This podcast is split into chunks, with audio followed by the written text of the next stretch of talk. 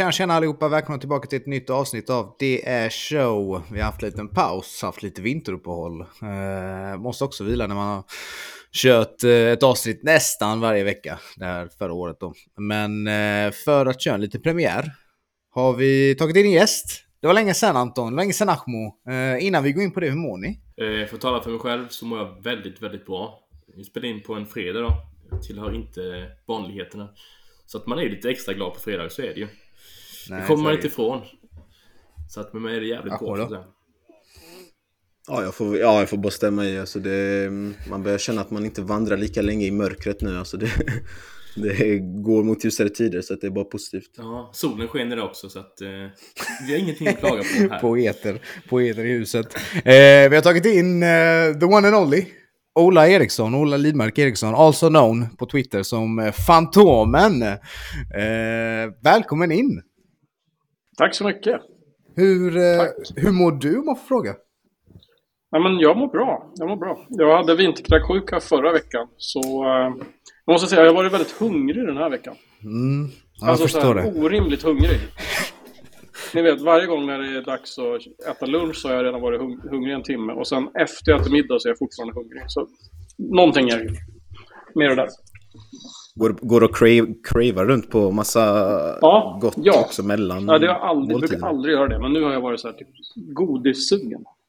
Oj, sjukt. Jag har också varit godissugen som fan senaste tiden. Och jag är ingen godiskille, jag är mer en chipskille. Så jag fattar inte var det kommer ja. ifrån. Men eh, kan Nej. relatera. Eh, mm. Kanske inte det bästa att käka, men men. ah, det är ju potatis. Eller ja, chips i potatis. Men, ja. Nej, det, nej. men... Eh... Du ska inte undersöka djupare vad det är. Men eh, när vi kör igång nu, ska vi kalla det för Fantom eller ska vi kalla det för Ola? Vad, vad känner du själv? Mm, nej, det får ni bestämma. Båda går bra. Vi, vi, vi, var två Ola på, här på kontoret ett tag och då blev det Fantomen även på kontoret. Och det tyckte jag var lite konstigt. För det är så sällan man är två som heter Ola på ett ställe. Mm. Men, eh, ja, men vi kör lite om dig då. Mm. Ola slash ja. Fantomen. Vi får se vad det, vad det blir under avsnittets gång. Men eh, vem, eh, vem är du för de som inte vet? Uh, nej men jag är uh, väl lite halvt känd som dataanalytiker hos TV4 och Fotbollskanalen. Och driver ett företag då som heter Playmaker som jobbar just med dataanalys inom just fotboll. Så um, ja, min bakgrund är väl då att jag jobbat som systemutvecklare och gillar att hålla på med datorer och har ett fotbollsintresse. Liksom. Um, så slog jag ihop dem tillsammans med min bästa kompis för ett gäng år sedan och så bildade vi företaget. Um, så ja, jag är väl säkert en av få som jobbar, eller kanske ja, en av väldigt få som jobbar just professionellt med utveckling inom just fotboll. Ska jag tro. Vart eh, kommer den här egna relationen till fotboll? Har du lirat som ung eller eh, hur ser den ut? Eh, ja, alltså. Ja, precis så. Alltså, såklart, som alla tyckte om fotboll, eller som alla, men tyckte om fotboll som liten och spelade mycket och tittade mycket. Ehm, uh, spelade mycket tv-spel som hade med fotboll att göra redan på den tiden. Managerspel och sådär. Så det är väl egentligen ett fotbollsintresse, absolut. Men jag har aldrig haft någon idrottstalang på något sätt. Uh, utan jag fick väl ganska tidigt i min fotbollskarriär lära mig att jag inte dög som fotbollsspelare. Mm.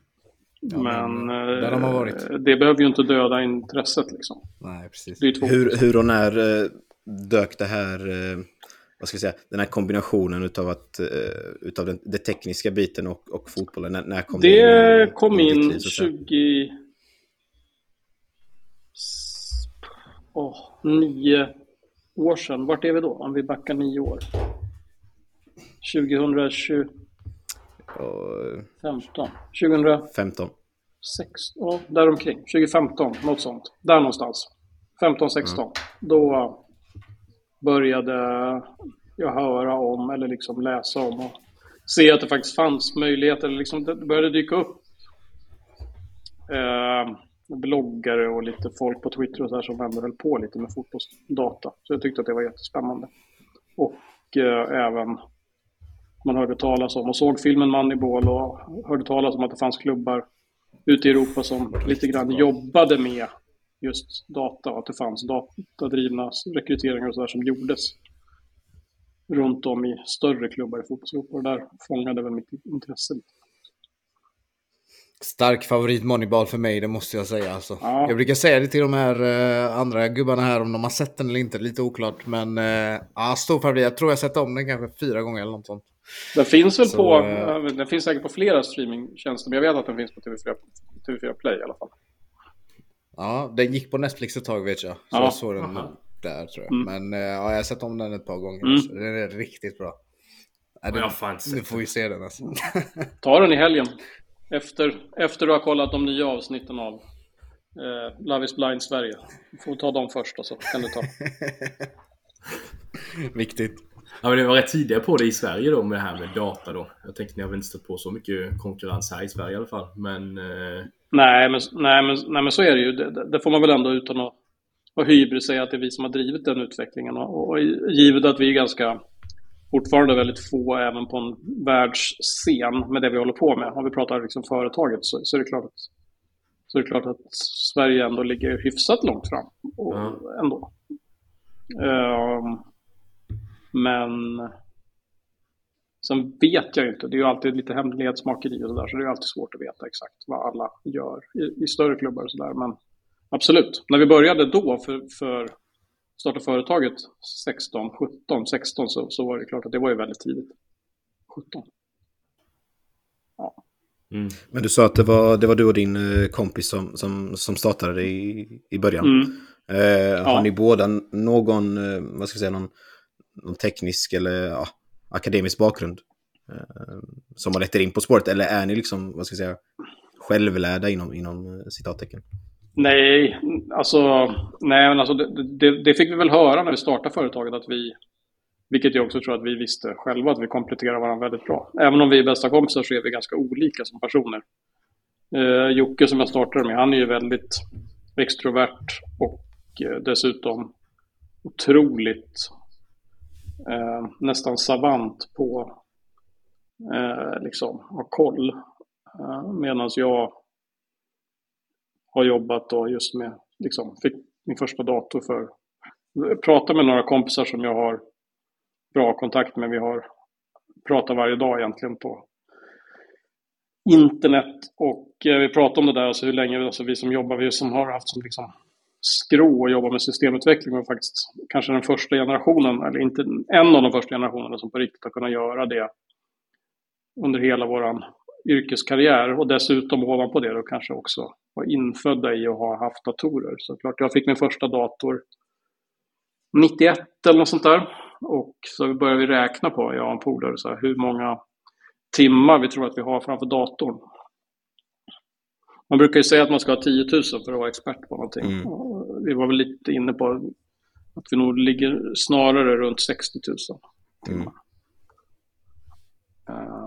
Mm. Och, det, och det är nog lågt räknat. Men eh, ja, nej, så vi kompletterar varandra jävligt bra på det sättet. Liksom. Så jag har väl byggt produkterna och Jocke har varit den som har sett till att omvärlden får veta att de finns och eh, också sett till att folk förstår att det faktiskt också genererar nytta. Liksom. Mm. Ja, precis. Eh, men om vi, om vi ska ta oss lite vidare här så, så nämner du ju också att du, eller vi som följer TV4s, eller TV4 Play-sändningar eh, kan se det främst då på, på helgerna men även under, eh, mm. under veckodagar då, eh, när det är Champions League. Eh, ja, och, nu, har vi börjat, nu, nu har vi börjat göra fristående inslag igen på TV4 Play faktiskt. Eh, fotbollslabbet då tänker du på? Ja, ja exakt. Ja, exakt. Det, vi har börjat igen. Ja, ja. Eh, men det, har, det har jag noterat. Eh, mm. Men något som influerar dagens, eller det, rättare sagt, det känns som att det blir allt mer vanligare i takt med att liksom allt, allt mer data blir liksom tillgängliggjord. Eh, och det många pratar om idag är väl eh, mycket det här med, med XG, alltså expected goals. Eh, mm. Skulle du vilja förenk eller förklara och förenkla för våra lyssnare som kanske inte är så pass insatta som, som, som vissa andra, enkelt sagt, vad mm. det är för något. Ja, men, men det handlar ju om att värdera avslut utifrån premissen att alla avslut inte är värda lika mycket. Och det tror jag att vi alla kan hålla med om att sannolikheten att ett mål, eller att ett avslut från 20 meter ska bli mål är ju inte lika stor som att ett avslut från 5 meter. Uh, generellt liksom. Och, och, idén med expected goals är ju att eh, hitta ett sätt att värdera just det. Det vill säga om jag har tagit tre avslut under en match som är från ett riktigt, riktigt bra läge så kanske det är värt mer än att ha lossat tio distansskott. Men om du hade tittat i avslutsstatistiken efter matchen så kanske man hade tänkt att, ja men vänta nu, de här hade ju tio avslut och de andra hade tre. Då, då borde de ha vunnit matchen liksom. Det är ju det som är idén med expected goals i, i sin mm. essens. Att hitta ett sätt att värdera avsluten. Men sen kan jag tänka mig att eh, olika, olika modeller kanske tar olika hänsyn till olika liksom, parametrar. Jag vet inte, vi, ja, vi behöver väl kanske inte gå in på olika detaljer Nej, här. Men så... jag menar vissa kanske, jag vet inte om, om Playmaker AI liksom tar hänsyn till att det liksom står försvarare framför bollen eller sådär. Hur, det kan du säga vi. någonting Exakt. ifall... Ja, ja mm. nej men det gör vi. Ja, absolut, absolut. Men sen blir det ju där, det beror, det beror lite på vad man ska ha modellen, vad man ska använda det till och sådär. Men jag tror att, tror att egentligen behöver man inte, eh, om man ska prata om, för ibland hamnar man ju i, jag tycker det blir mindre och mindre så, men när vi började så var det ju utan tvekan så att vi möttes med oerhört mycket raljant raljanta kommentarer från etablerad media och etablerade journalister och etablerade sportpersonligheter som talar om att ja, men nu har Simor börjat med expected goals i tv-rutan. Vilket jävla trams, alltså vilket haveri och det är så dåligt och allt sånt där. Det är ju ingen som säger någonting det, om, om det nu när, när det vevas expected goals-siffror i statistiken. Så, så dit har vi tagit oss. Och jag tror egentligen inte att vi behöver, man liksom behöver argumentera så mycket för och emot olika modeller och att expected goals på något sätt ska vara trams bara för att man eventuellt då inte tar hänsyn till hur många försvarare som står emellan. För jag tror att vi ändå alla är överens om att det är större sannolikhet att det blir skott på ett avslut som är, eller att det blir mål på ett avslut som är från 5 meter än ett som är från 25.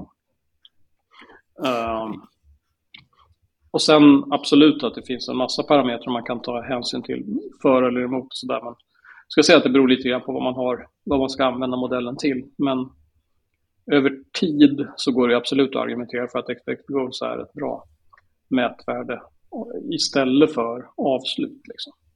Och det får man väl också ha med sig att, att i takt med att vi har blivit mer och mer etablerade och har en bättre och bättre plattform så är det klart att expected goals blir ju en mindre och mindre del av den totala helheten. Alltså om mm. vi pratar om vår plattform idag så ska jag säga att expected goals kanske är det är mindre än 1% av det vi gör när vi pratar om dataanalys idag. Mm. Men det är ändå någonting som... Och det finns ju så mycket annat. Ja, precis. Men det är också någonting som, som når ut till den allmänna betraktaren i väldigt stor mm, utsträckning. Absolut. Absolut. Um, så är det. Men eh, du, var, du var inne där också. Men jag, jag upplever det verkligen som att det, alltså att det tas emot med betydligt mycket, alltså i takt med att man också, tror jag, att alla liksom ändå har en idé om, eller liksom, jag tror att alla är ganska med på att fotbollen, precis som all annan sport, går ju framåt och den tekniska utvecklingen går framåt och då är det här en del av det. Mm. Eh, men du var inne där lite på att när ni precis liksom eller när TV4 och Simor initierade den här liksom, typen av statistik så fick ni en hel del mothugg av media. Mm, eh, absolut.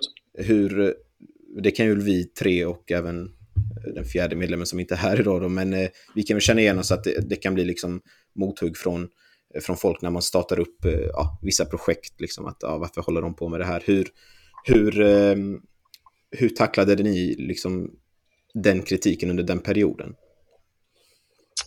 Jag tror att det, jag tror att om vi inte hade drivits av passion så hade vi ju lagt av för länge sedan. Och, så, och det har inte bara att göra med kritiken vi möttes med, utan det har väl också att göra med betalningsviljan hos våra kunder om jag ska vara det är så här, Om man skulle ha startat ett företag för att tjäna pengar, då hade man ju valt en annan bransch. Mm. Och, och, och, där tror jag också att vi har ju helt enkelt i viss mån också faktiskt tröttat ut en del konkurrenter som jag tror såg att det kanske fanns någonting här. Gick upp och Eh, konkurrerade med oss, både på den svenska marknaden men även internationellt. Men sen när man börjar inse att, ja, men vänta nu, kanske inte finns någon riktig betalningsvilja än, därför att det här är ju ändå någonting nytt och det finns väldigt många inom fotbollen som, som det alltid är när man introducerar någonting nytt på en marknad.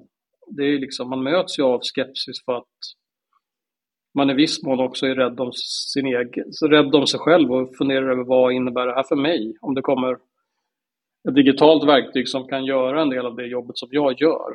Det är klart att man kanske inte bejakar det som individ. Det är ju liksom ett naturligt skyddsbeteende. Så um, jag tror bara att problemet där var att jag tror att vi var ganska tidiga och betalningsviljan och motståndet var ganska stort. Att motståndet var stort gjorde att en del konkurrenter, och betalningsviljan också för den delen, gjorde att en del konkurrens gav upp. För att man då kanske hade en starkare drivkraft om att tjäna pengar än att det var passionsdrivet.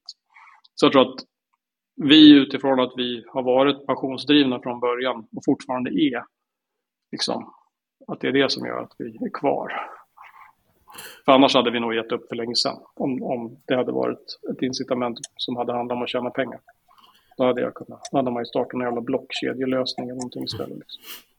Men finns det någon motsvarande? En blockkedjescam. Pyramidskam. ja. En pyramidblock, blockkedjepyramidskam har jag startat. Ja, det har jag kanske tänka på då. Men finns det motsvarande ju utomlands liksom, som kanske har börjat kommit längre än vad ni har gjort? Som kanske har börjat tjäna mer pengar då? Eller så här. Ja, det är en jättebra fråga. Jag vet faktiskt liksom inte hur mycket pengar de har tjänat. Det, det, det, vet inte jag. Eh, det är klart att de, eh, det finns ju några konkurrenter internationellt.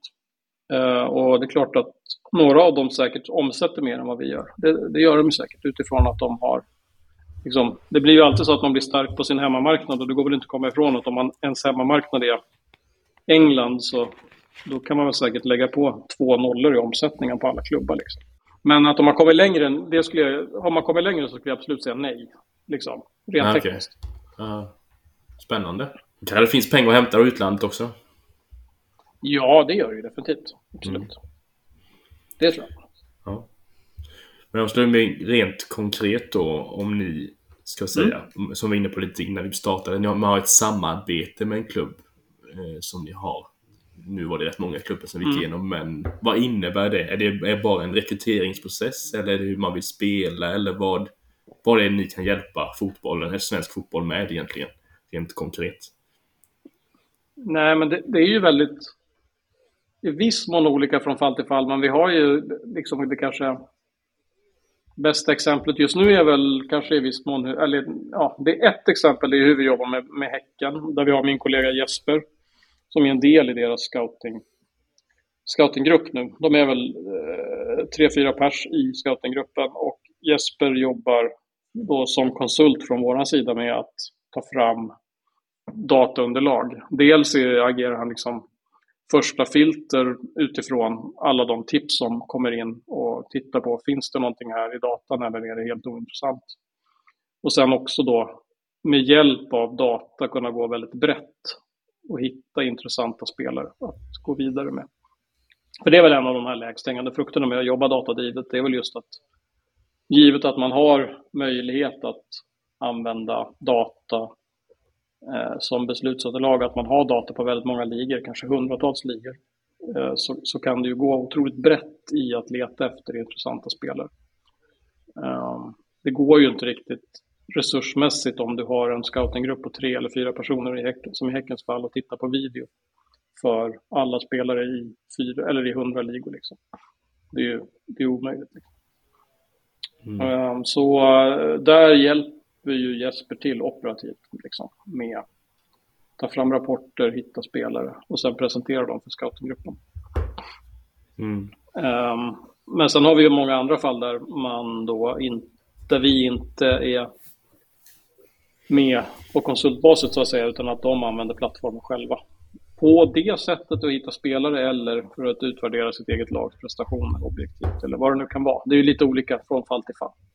Ett annat bra exempel är väl hur Brommapojkarna jobbar som har ju också en duktig dataanalytiker som är anställd på heltid, eh, Marcus Bring, eh, som eh, också då använder plattformen och liksom scoutar och analyserar med hjälp av den. Jag, jag tänkte lite på det, för det, du snackade om tv-spel tidigare. Och alla vi, alla vi har ju också lirat en hel del mm. tv-spel. Det har blivit mycket Fifa, mycket Football Manager mm. och där har man ju all, där har man ju alla stats med mm. sig när du ska värva en spelare eller kolla på en spelare. Och det känns som att ni gör det här fast i det verkliga livet på ett sätt för typ en klubb. Är det lite så ja, men det man kan så. tolka det? Typ? Det är ju så. Det är ju så. Ja, ja. ja absolut. För det... Absolut, så är det. Så är det ju. Jag, jag tror att i takt med att eh, liksom, vi har ju utvecklat våra algoritmer och mät, mätetal och kopior och allting väldigt mycket under de år som vi har hållit på. Så det är klart att jag tror att vi börjar närma oss en träffsäkerhet som är minst lika bra som om du skulle göra det manuellt med video. Men du kan göra det betydligt mycket bredare. Liksom. Um, så ja, det är så uppenbart, tycker jag, att jobba datadrivet just i scoutingfallet är så himla pragmatiskt just eftersom att du, du blir mycket mer träffsäker och kan gå mycket bredare. Liksom. Är det... Så det är ju alltså, och det är betydligt mycket mer kostnadseffektivt än att ha fem scouter som sitter på flygplan och flyger ja. runt halva jorden för att hitta spelare. Liksom. Nej, jag tänkte mest det är, väl, det är väl det jag har tolkat från först när jag såg liksom när ni la ut statistik och sådana grejer. Ni kör ju den här Octagons den Spindel, man alltid ja, ja. på liksom FIFA ja, när man jämförde spelare. så det, det är skitkul att ja, se för man exakt. fattar ju direkt. Så mm. Man känner till det. Så det, det var bara det jag tycker det är exakt. en riktigt bra idé att ha det. Liksom. Exakt. Ja, och sen bakom, liksom under huven så kan man ju då, till exempel kan man ju då, till exempel om man har en sån här spindel så kan man ju med hjälp av algoritmer ta en typisk sån är ju om jag har en spelare som jag vill ersätta, till exempel. Om Häcken blir av med Rygård och ska, ska ersätta honom, då kan man ju ta den, det digitala fotot, eller fingeravtrycket som man har i form av en spider till exempel och leta efter liknande spelarprofiler. Baserat på data till exempel. Det är ett typiskt case. Ja, nej, du var ju inne på det att det, det är ett eh, mycket liksom kostnadseffektivt sätt att, att, att scouta spelare än, än, än att skicka iväg massa scouter. Eh, och jag tänker främst liksom om vi ska ta, ta det liksom ganska förenklat, om man tittar liksom på vissa parametrar som, som vi nämnde innan då med eh, expected goals, så känns det ju som att, eh, du får ju rätta mig om jag har fel här, men eh, en anfallare som kommer, eller ja, de, de bästa anfallarna överträffar väl sitt XG oftast, eller? Ja, det är, så är det ju. Um, så, över tid, ja. Mm. Absolut. Mm. Över, exakt, över tid.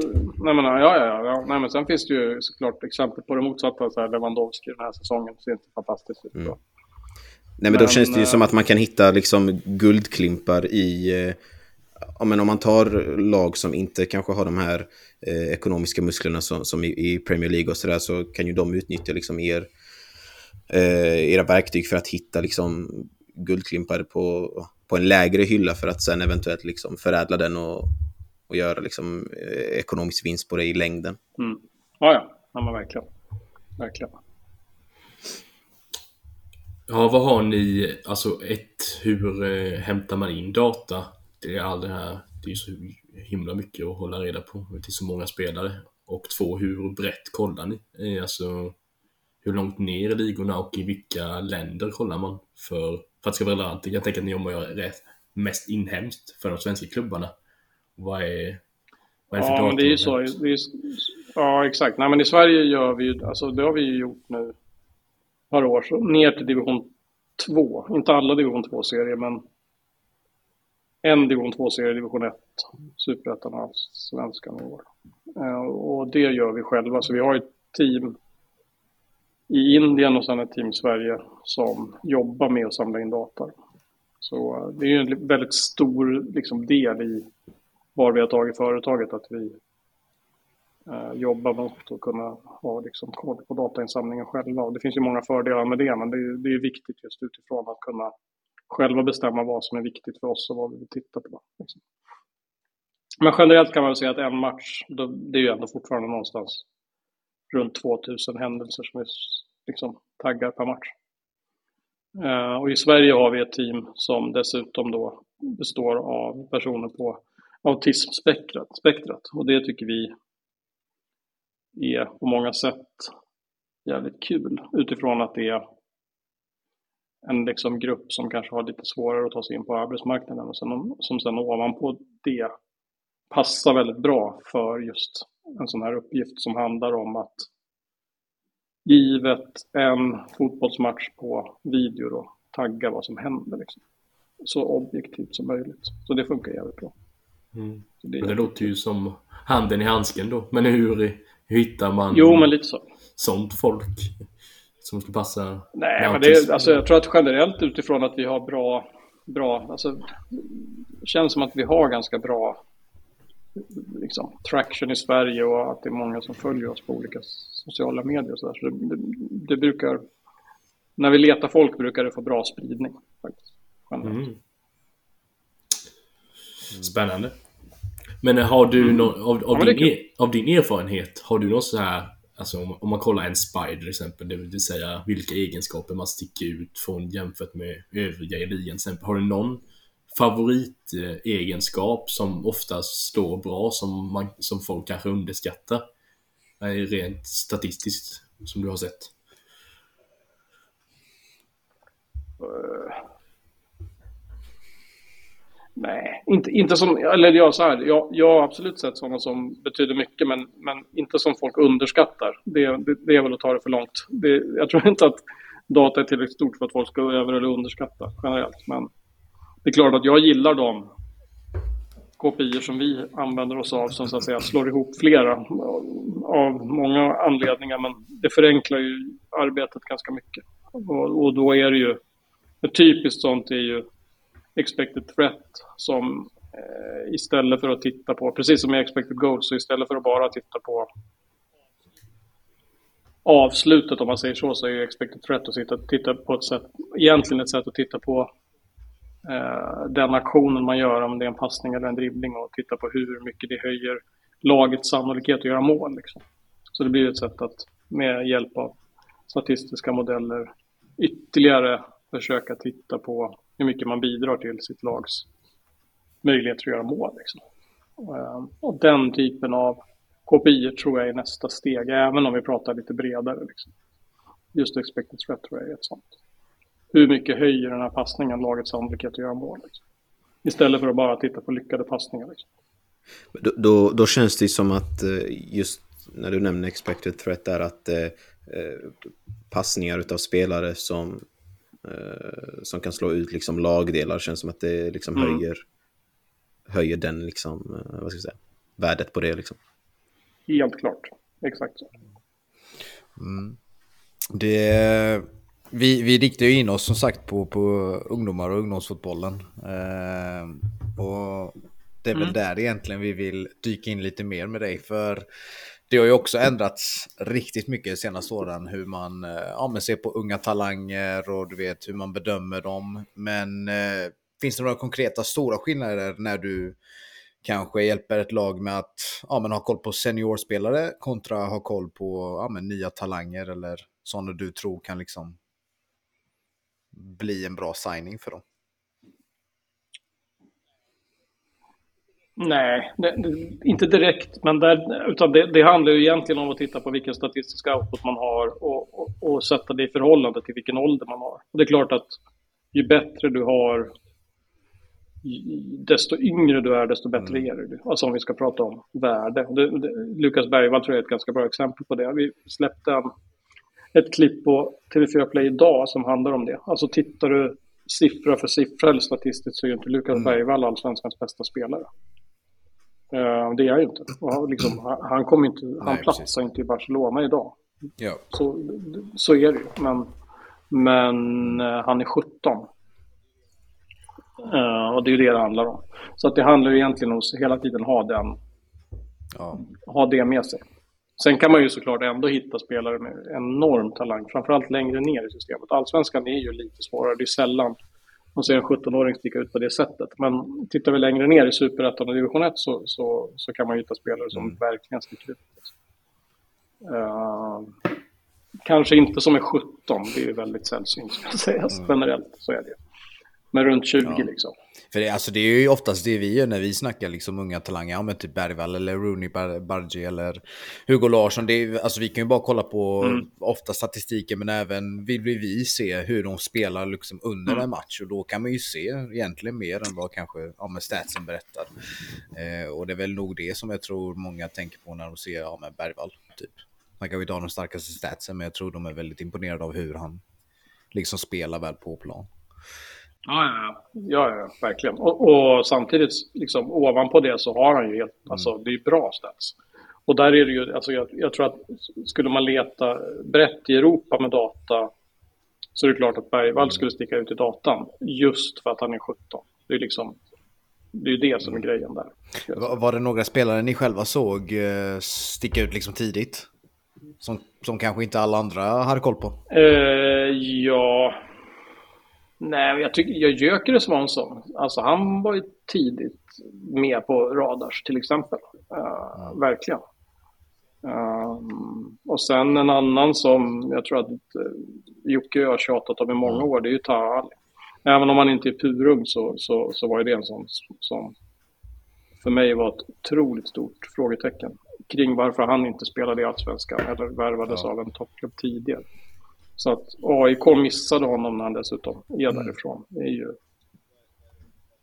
Vad, vad, är det som, vad är det som sticker ut med, med Tahar? Ja, men där var det så uppenbart. Där är det ju alltid varit just den här en mot en förmågan. Alltså att han har varit så otroligt överlägsen i den. I, redan, från, redan när han spelade i ettan. Liksom. Mm. Så otroligt överlägsen. Och den är så enkel att plocka upp. Liksom. Mm. Och vi har ju en eh, personlig favorit, eller det är väl allas favorit nu, men Hugo Larsson, alltså när han kom fram mm. med... Och där tycker jag det är så mycket pondus och så mycket självklarhet för honom. Så jag vet inte, syns det på statsen i Malmö att han var bland de bättre? För jag tycker ändå så här, när han kom upp som, vad var han, 18-åring och startade i Malmö och han liksom känns så självklar och är liksom mycket självförtroende, tar för sig och... Men det kan inte är de här eh, super threatsen eller skapa så mycket målchanser utan det kan, jag vet inte, syns det på statsen hur han levererade förra året och att han gick in direkt och levererade i Bundesliga liksom? Ja, det kan det nog kanske göra. Jag tror bara att han eventuellt spelar lite för lite. Alltså lite för få minuter, jag är inte säker. Nej. Mm. Jag kommer faktiskt inte ihåg. Och de här Men det är också då, ofta är det ju det de som, de som är riktigt bra, de hinner ju inte spela så speciellt mycket innan de försvinner heller. Precis. Ja, de och ofta som... tror jag att man, ska man göra, hålla det enkelt för sig så, så, så går det inte att komma ifrån att man, om man ska tänka hur större klubbar tänker så är det klart att så fort någon som är så ung spelar väldigt många minuter så då, då, då det räcker Jag vet att till exempel Leipzig har ju varit träffat prata med hur de jobbar och det är så här, de krånglar ju i viss mån inte till det mer än att de håller koll på alla ligor i världen i princip och tittar på ja, men, hur många 18-åringar får speltid i seniorlaget. Så, så det är en bra första filtrering också om man ska jobba enkelt grundläggande utifrån ett dataperspektiv. Mm. Men du nämnde att, där att Hugo Larsson inledningsvis i alla fall inte, inte fick så mycket speltid. Hur, ehm, hur mycket påverkar det liksom resultatet av datan sen i, i era analyser, alltså mängden data? Nej, men det är ju såklart en, eh, alltid en, någonting man behöver ha med sig. Alltså, alltså att man behöver ha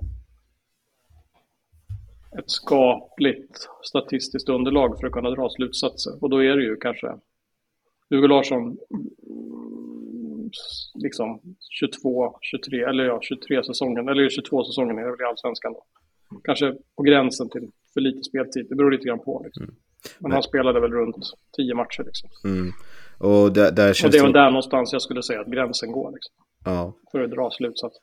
Ja, men jag vet inte då, kanske Ronny Bardghji också, eller i alla fall i danska mm. ligan så får han väl inte mm. liksom så pass mycket speltid, men han har Nej, väl ändå liksom bevisat sig på en högre liksom, scen så att han, ja, sticker Väl, han sticker väl ändå ut i vissa liksom, parametrar ja, som ni kollar på. Så att det, oh, ja, oh, ja. ja, ja, absolut. Och han är ju, ja verkligen, han är ju, mm. precis, definitivt. Vilka, vilka parametrar är det då han liksom, eller kan du det liksom på? Nej, inte på rak arm. Nej. Men, nej, det kan jag Men det är ju i alla fall så pass liksom intressant så att uh, större klubbar är där och liksom nosar. Ja, ja, ja, absolut. Men återigen, det är så här. Eh, det är ju alltid åldern som jag tycker spelar roll där.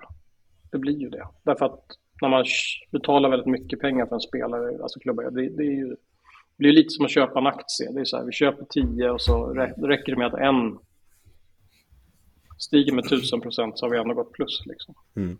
Uh, risk reward och att det också är liksom uh, ja, lite så ibland. Och att det då ändå i grunden handlar om att man såklart köper potential. Och alla kommer inte nå sin potential. Mm. Men om vi kollar på de här kanske man kan scouta om man vill vara lite mer kostnadseffektiv kanske man scoutar i division 1 och kanske hitta fina spiders på ja, sämre lag i superettan också för att komma undan. Men svenska lagen, eller svenska ligorna, alltså deras spiders jämfört med utomlands kanske i ja, men kanske Danmark och kanske i södra Europa. Är det någon skillnad på en svensk spelare som kommer fram nu jämfört med kanske i sydligare breddgrader?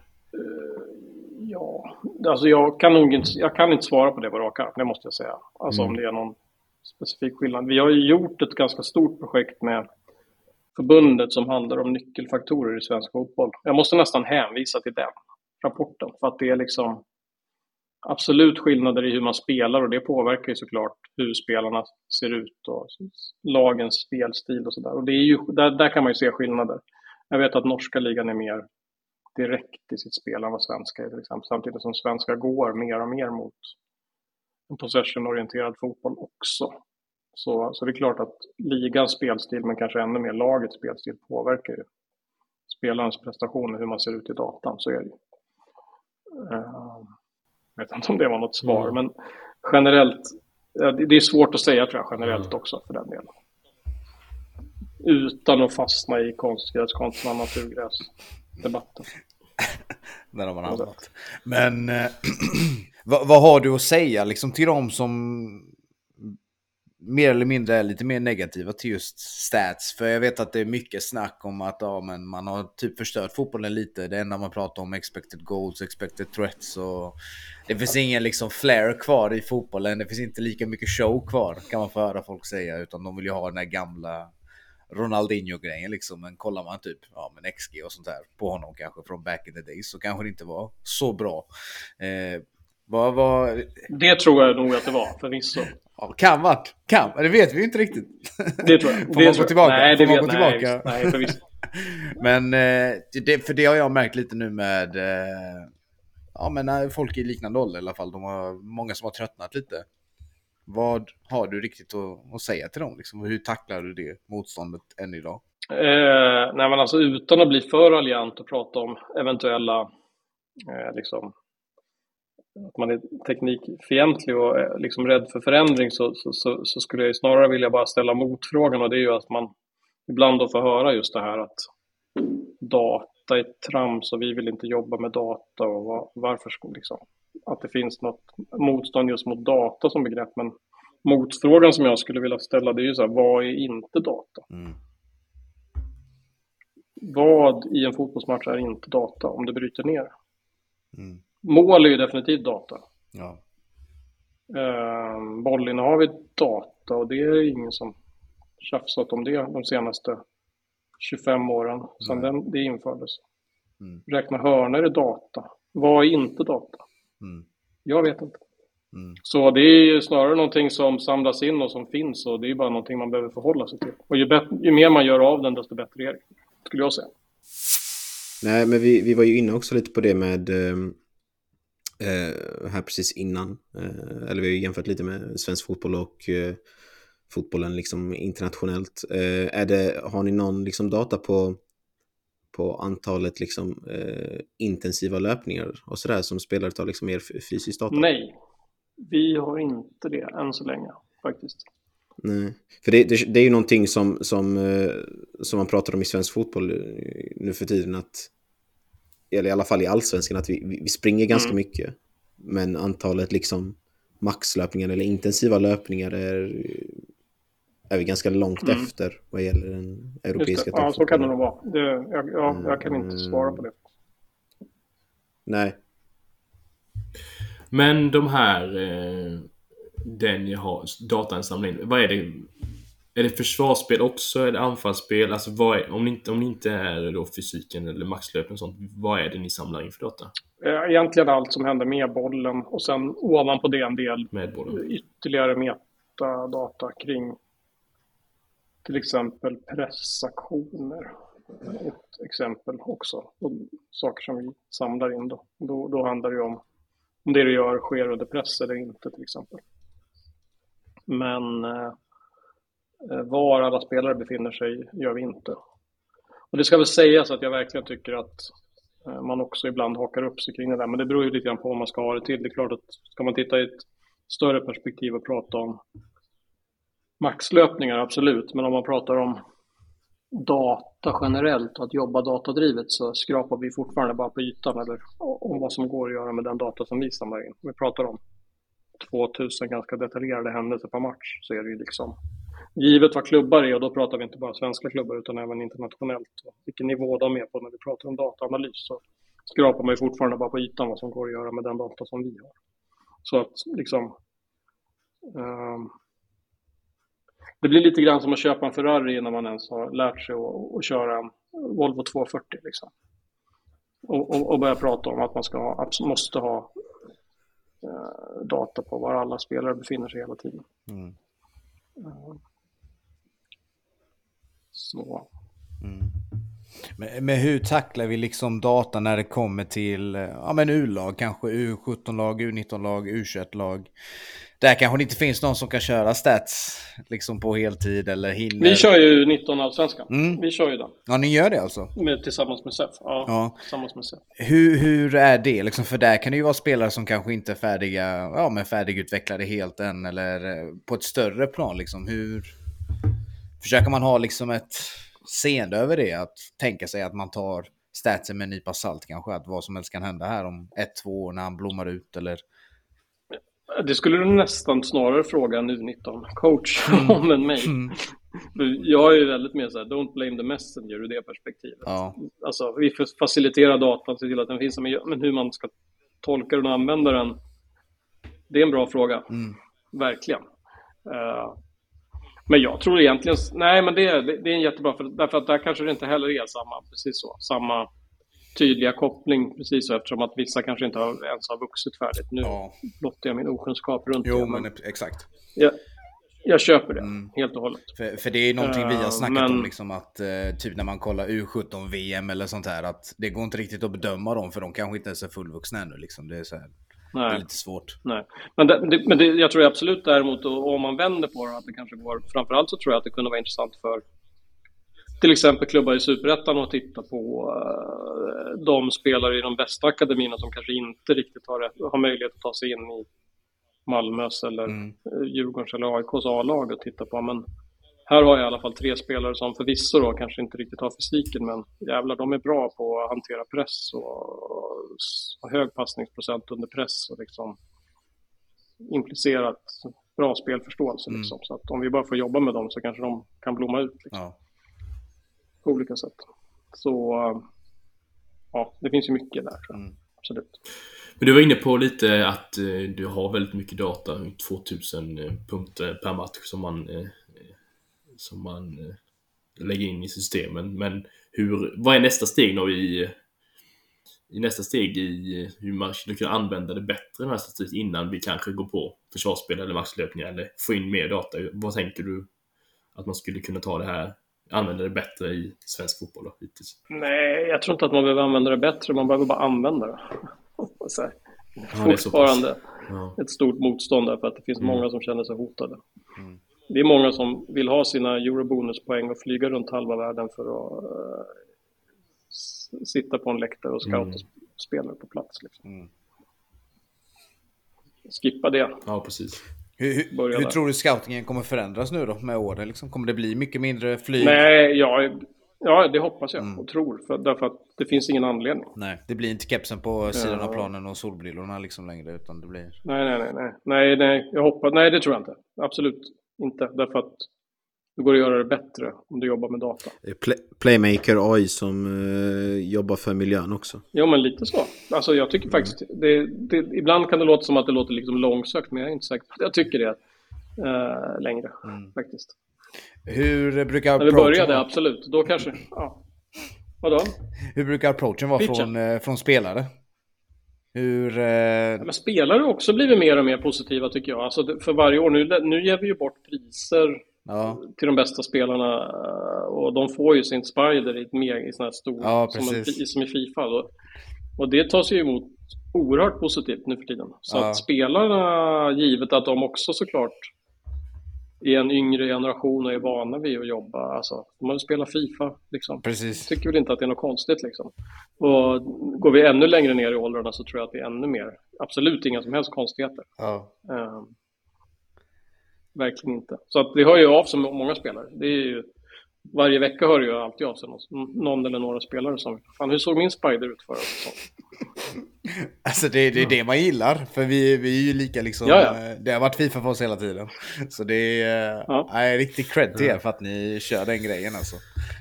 Och man ser det på spelarna när ni delar ut någonting, de, är, de blir ju glada liksom. Ja, ja, så, exakt. Sagt, det är deras egna Ultimate Team-kort liksom. Ja, exakt, exakt. Exakt. Det är väl roligare att få den där än att ja. få ett diplom som de får i Allsvenskan också. ja, för fan. Ja, för fan. eh, nej, men vi, vi, vi har ju pratat lite nu om, eh, om vissa unga spelare här och vi har ju, eller du nämnde det också där eh, Ola, att, eh, att vi bara liksom är skrapar på ytan vad gäller liksom data överlag. Eh, det känns ju som att alla de här, vi ser de här unga spelarna som kommer fram nu, eh, vissa av dem kanske kan ha eh, liksom en spider som ser bra ut i nuläget trots att de egentligen inte är fullvuxna eh, eller helt färdigutvecklade. Det känns ju ändå som att man kan använda de spelarna alltså i nuläget ändå. Man behöver inte liksom investera i, i yngre spelare som ska liksom räcka i, i ett längre tidsspann utan det kan ju ändå vara värt att, att kolla på spelare som har en bra spider i nuläget. Ja, absolut. Eller är du med på vad jag menar? Ja, absolut absolut. Nej, men så är det ju. Jag... Uh, uh, ja, jag vet inte vad jag ska säga. Nej, men jag visste det mm. så. Absolut. Sen tänkte jag väl lite mer, det är mer en långsökt grej för jag, det är ju lite svårt att göra in real life, men med tanke på att ni gör spiders och ja, men kolla stats och sånt där, då får man ju någonstans ett värde. Säg att man lägger på en femstjärn och femstjärnig skala, liksom, hur, hur bra de är. Men eh, hur ser det ut med potential? Hur, hur... Tänker ni någonsin i de banorna att vi kanske ska kolla på, kanske göra någon egen bedömning här av vad men vi tror att han kommer bli så här bra eller så här bra?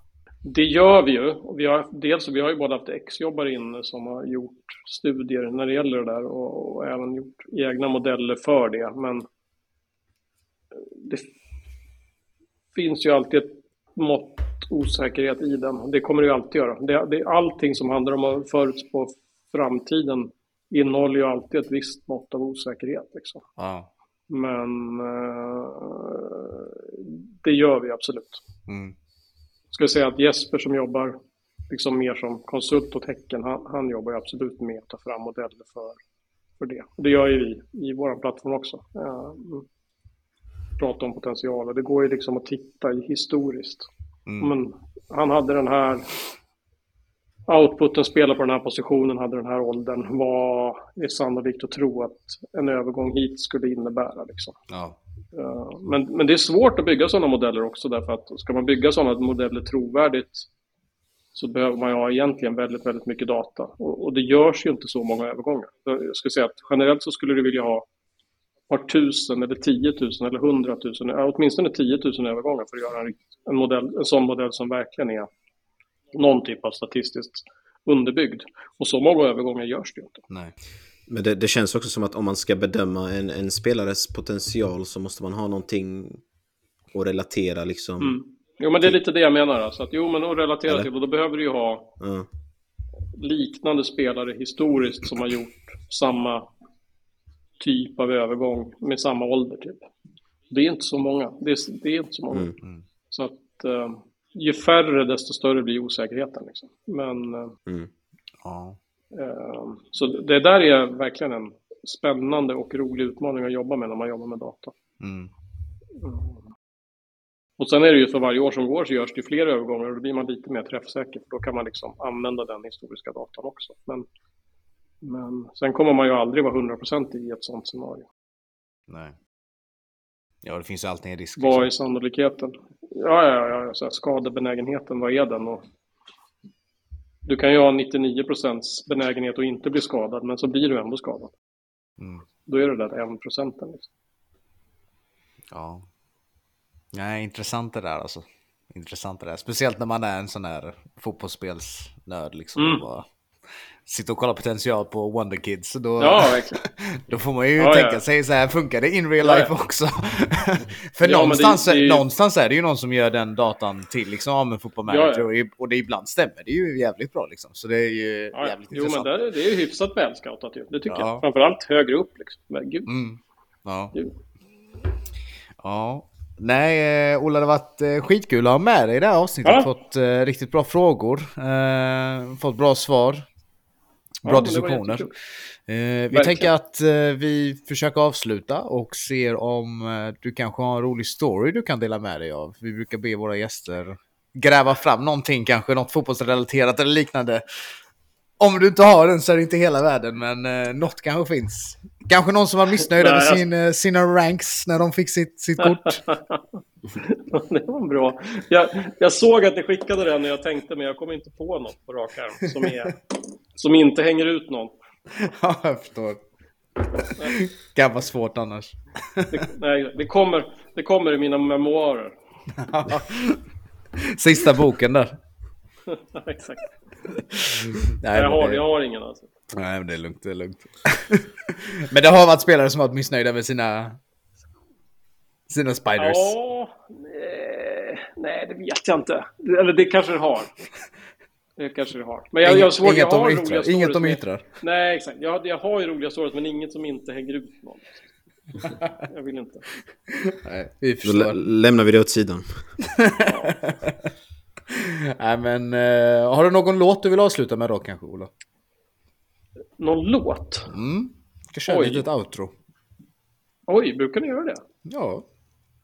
Uh, vad ska vi ta då, då? Jag, hade, jag såg att Nicki Minaj skulle köra i uh, Stockholm i år va? Ja, det kanske ska. Får man ta någonting från hennes nya skiva kanske?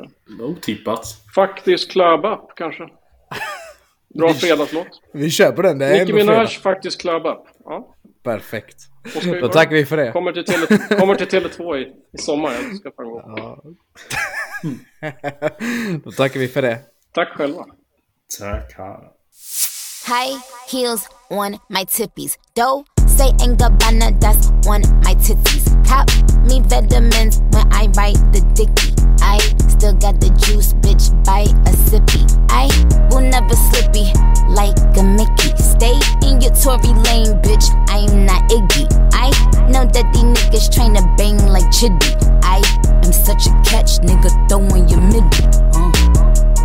Who wanna play with Nicky? Got the power, I could tell my niggas spray like 50. Distribute about a million dollars worth of brickies. Told him to keep 50, might cut 950. But she, mm, mm, mm. give me my times. Give me, give me my times. Give me my time. Then take away two. I ate, I win.